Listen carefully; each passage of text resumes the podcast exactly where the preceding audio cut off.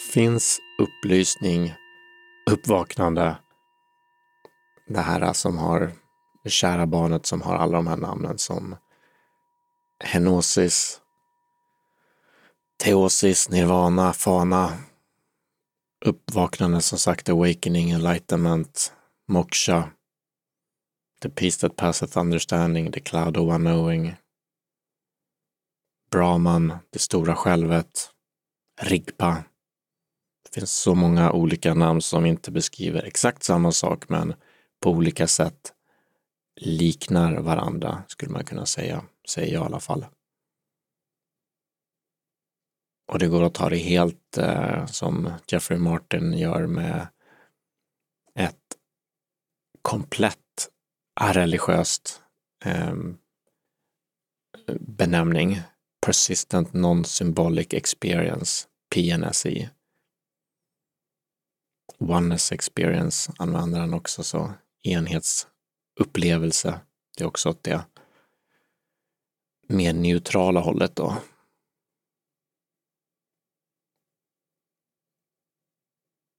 Så vad betyder det att det finns? Jag tror de flesta nog är med på att alla människor eller alla varelser för den delen kan uppleva olika typer av tillstånd. Vi har tillstånd som att vi är glada, ledsna, fulla, nyktra.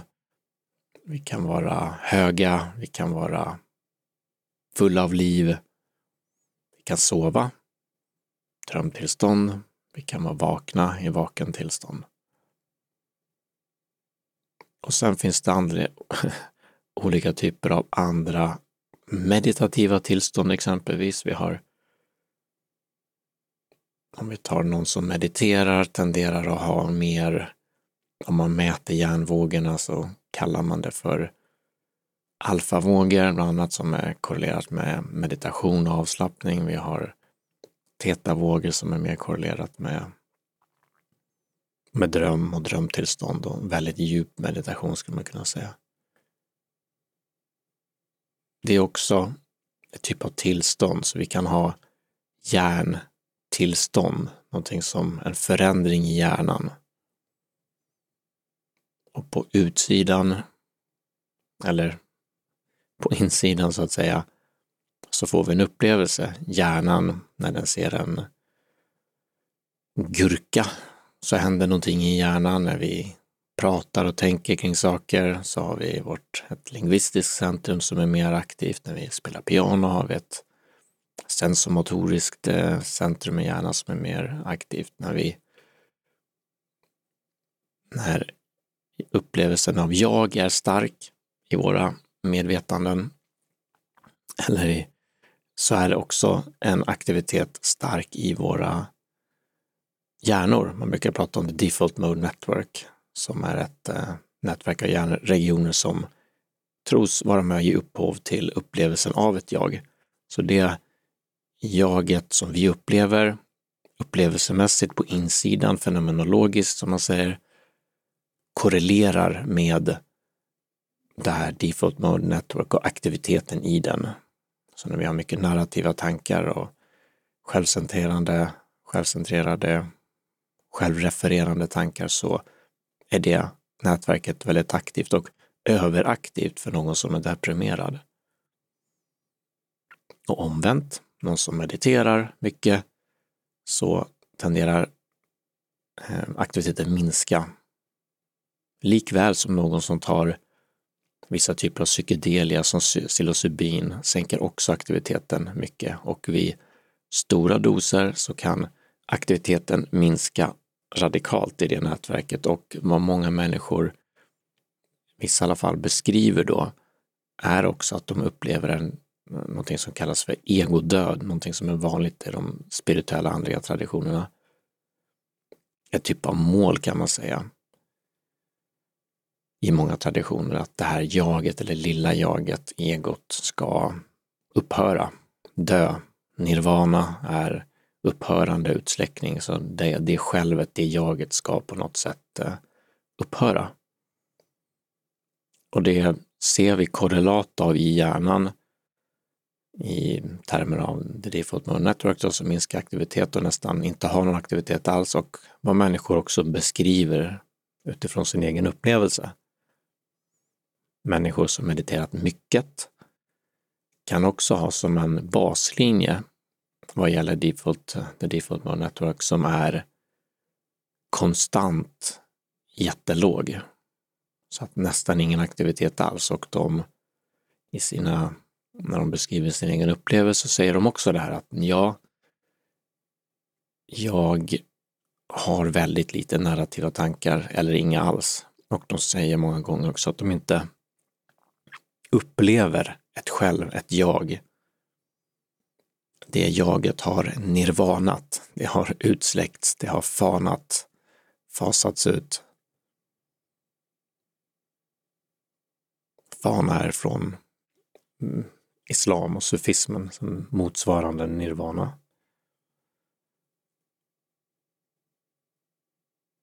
Så vi kan se på olika sätt hur olika typer av hjärnaktivitet korrelerar med olika typer av upplevelser. Definitivt upplevelsen av att ha ett jag och att ha narrativa tankar, självförändrande tankar. Men också dess motsats, att ha låg aktivitet i the default mode network och ha få narrativa tankar, få självrefererande tankar och till och med ibland antingen temporärt, som är människor som tagit psilocybin, temporärt uppleva en avsaknad av den, ett jag. Man kan säga upplevelsen av ett jag. Identifikation är ett annat ord för det. Det är inte nödvändigtvis att de narrativa tankarna behöver upphöra helt, utan det kan också infinna sig så att, så som det är för de flesta tror jag, att identifikationen med dem släpper. Så att någonting, igen om vi tänker hjärnan, händer där som gör att vi inte längre är identifierade med våra egna tankar.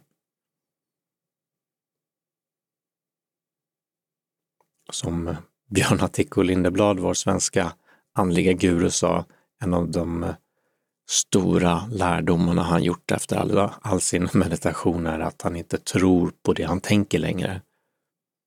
Och det är inte en idé, utan det är en, en faktisk upplevelse att vi ser tankarna likt hur vi ser på en eh, tegelsten. Vi tror inte att vi är den tegelstenen.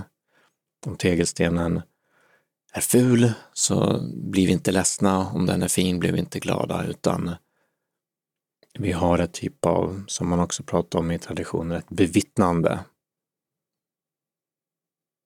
Vi kan vara i det här vittnet. Det är det som mycket av meditation går ut på, att separera oss från det vi är identifierade med. Om det är kroppen, om det är känslorna, om det är tankarna, värderingar, allt möjligt som vi tar som oss, oss själva. Och ser det. Och när vi ser det, så åtminstone i teorin så är vi inte det. Ett sätt att tänka kring det. Men vad all andlighet skulle jag säga i alla fall handlar om är i slutändan ingenting som har med de här tankarna att göra, för det är ju bara en ny tanke, det är en ny idé om någonting. En ny sak som vi ska förstå. Och vad alla de här traditionerna säger, inte minst i kristna mystiken, the cloud of knowing, är att det här eh, är ett icke-vetande då någonting vi inte kan förstå. Det går bortom det vi kan förstå. Och det är någonting som infinner sig när ja, tankarna försvinner eller när identifikationen med dem och upplevelsen av ett jag försvinner. Det är väl mycket möjligt att det är bra mycket fler saker som tillsammans ger upphov till den här känslan av ett jag inte bara tankar, utan det, det är många saker. Och det är någonting som är väldigt svårt att rucka på. Som det verkar, för människor sliter sitt hår år ut och år in för att slippa det, för att slippa från sig själva, för att slippa från lidande, för att slippa från det här narrativa självet, jaget, den eviga strömmen av ehm, omdömen och eh, om oss själva och andra och tankar om dåtid och framtid som inte gör någonting annat än skapar oro i oss. Så det vill vi bort ifrån. Men det är väldigt svårt. Identifikationen är stark och eh, kräver oftast väldigt mycket arbete då. Men tillbaka till frågan om finns uppvaknande, finns upplysning? I den bemärkelsen, det här är vad olika personer tänker tror jag, i bemärkelsen av ett tillstånd, ett förändrat medvetandetillstånd och en korrelation i hjärnaktivitet i att vi inte längre är identifierade med ett jag. Så tror jag att de flesta nog skulle kunna köpa det. En del kanske skulle tro att det är eh, dysfunktionellt eller psykotiskt eller ja, men liknande. Men att det är möjligt skulle jag gissa att de flesta är med på. Men vad de här, många av de här traditionerna är mycket mer än så. De pratar om eh, att vakna upp eh, till sin sanna natur, säger man i Zen, som är förvisso kanske många gånger ett litet, eh, inte så himla stort steg att gå från att eh, förståelsen av att det går att uppleva att inte ha ett jag. Det är svårt att förstå vad det är. Jag brukar använda metaforen av att inse att en dröm är en dröm. Så på natten så kan vi inse att vi drömmer. Vi kan inse att vi är i en dröm och då heter det att vi blir lucid eller klara i den. På samma sätt så kan vi bli klara eller lucid, samma typ av eh, litet skifte som inte är så litet då, kan, in, kan infinna sig även i det vakna tillståndet då, så det kan bli ett annat typ av tillstånd i det vakna tillståndet. Så det blir supervaket.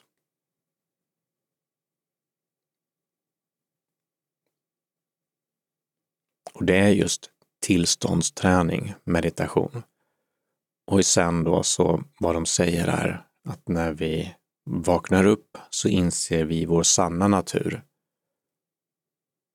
Och då är det inte bara att vi att vårt jag försvinner, eller vårt tidigare jag, vårt lilla jag, det lilla självet, narrativa självet, autobiografiska självet, historiska självet, det försvinner.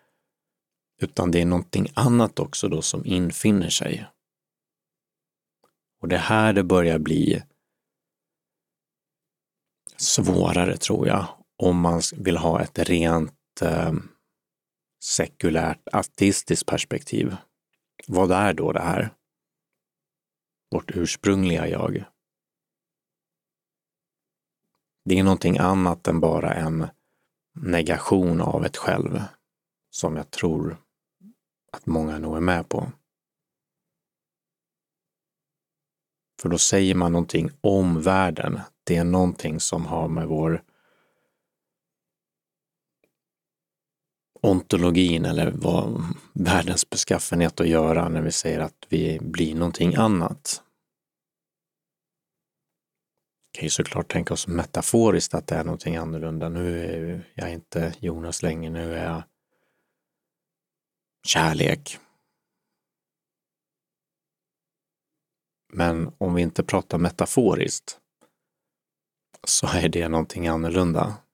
Om vi säger att min upplevelse är att jag är den här världen.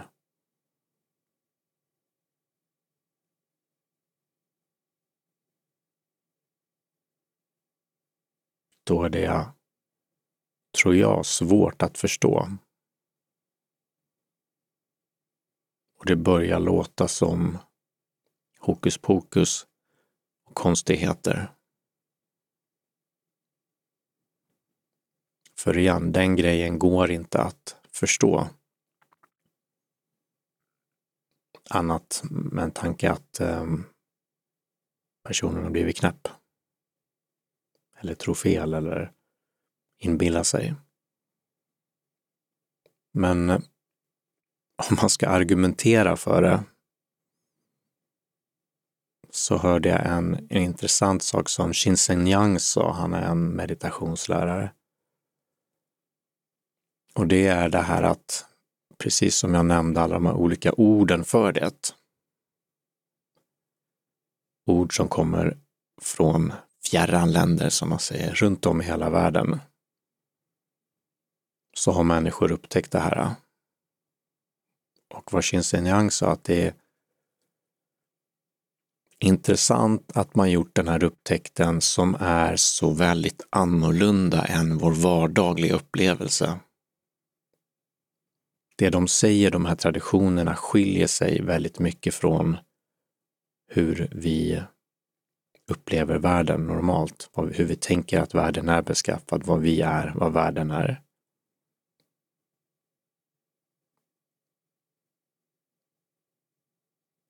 Vad han menar är att de som kommit på det här då, de här olika traditionerna runt om i världen, om man drar tillbaka tiden, inte alltid men en del av tiden, drar den bakåt, så har de inte haft kontakt med varandra. Nu i modern tid så har ju i princip alla kulturer haft massa kontakt, men om vi drar den bakåt mycket så ser vi att samma typ av erfarenheter har gjorts på, på många mm, ställen i världen. När man pratar om evolutionspsykologi och sådant, då är ju det ett eventuellt tecken på att någonting är tvärkulturellt, ett tvärkulturellt fenomen. Så det är inte bara någon kultur som har hittat på någonting, utan människor runt om i världen har gjort samma väldigt märkliga upptäckt. Det här av att vi kan vakna upp. Vi kan nå det här som vissa kallar för upplysning. Insikten om vår, som man säger sen, sanna natur. Det är intressant att det är många människor som har kommit fram till det, oberoende av varandra. Någonting som skiljer sig väldigt mycket igen då från vår egen upplevelse, men som är likstämmigt då i mångt och mycket i de här olika kulturerna och traditionerna. Det är någonting som talar för att det är någonting som finns där, skulle jag säga, eller ett argument för det. Att det inte bara är hokus pokus eller vidskepelse. Ett annat argument då för, vi argumenterar för här, är järnkorrelaten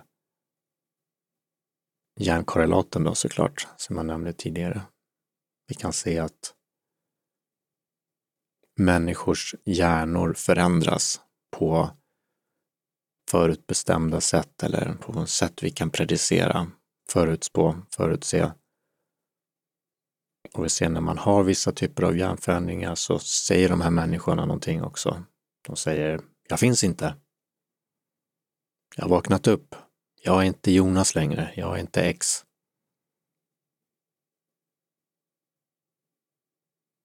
Jag har fått träffa Gud. Jag är kärlek.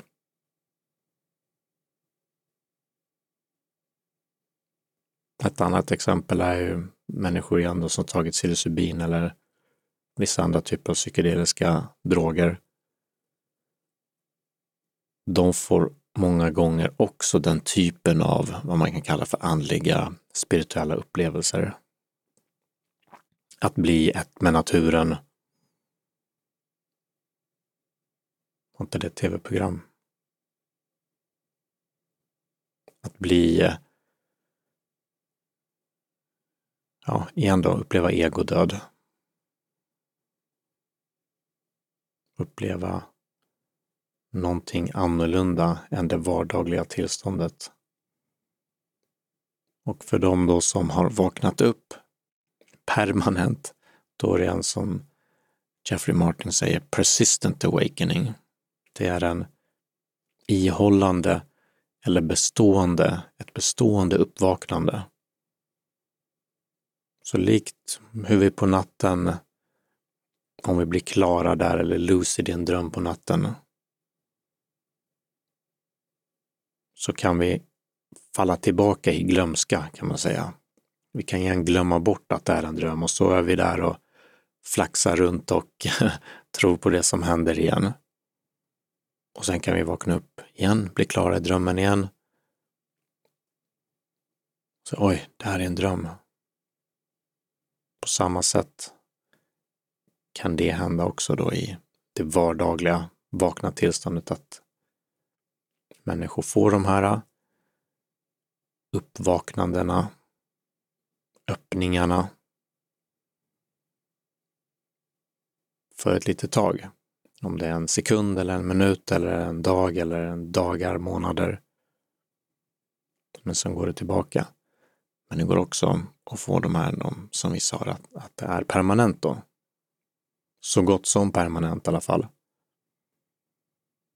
Jeffrey Martin har nämnt flera gånger nu, han menar att det är majoriteten människor som upplever det här verkar tro att det är konstant permanent. De som har haft det i flera år, då är det ju på ett sätt det. Men vid extrema situationer menar han så kan det här gå tillbaka. Extrem stress då framför allt.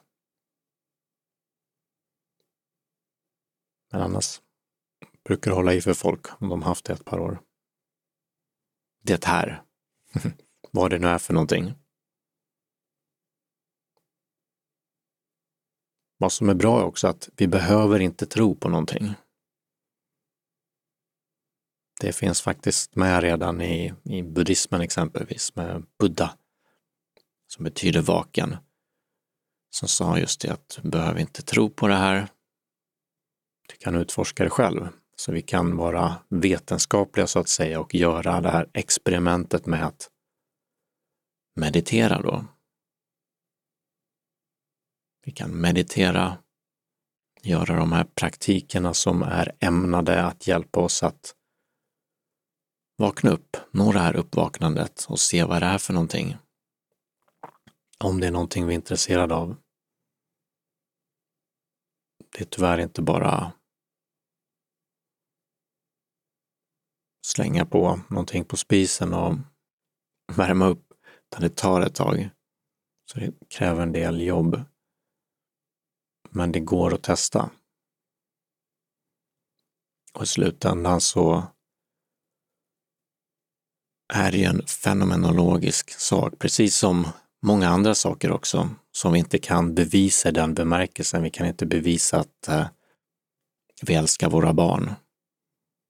Om man har barn eller sin partner eller sig själv. Vad den är, vi kan inte bevisa det, vi kan inte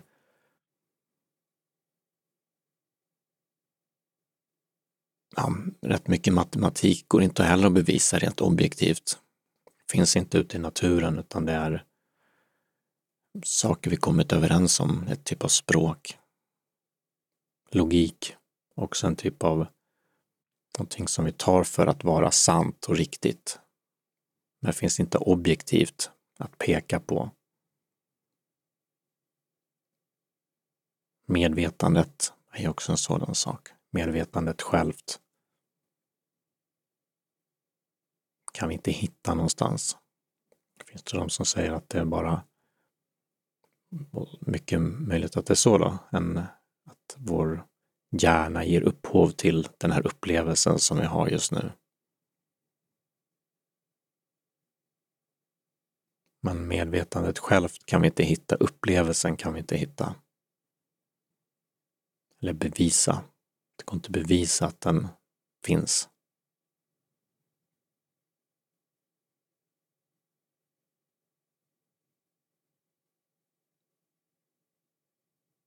Går inte att bevisa att du finns, att jag finns. Det går inte bevisa att på så sätt att världen ens existerar. Då i de här andliga traditionerna så hamnar vi i att världen är vår upplevelse. Den här världen är i vårt medvetande. Så även det rent fysiska är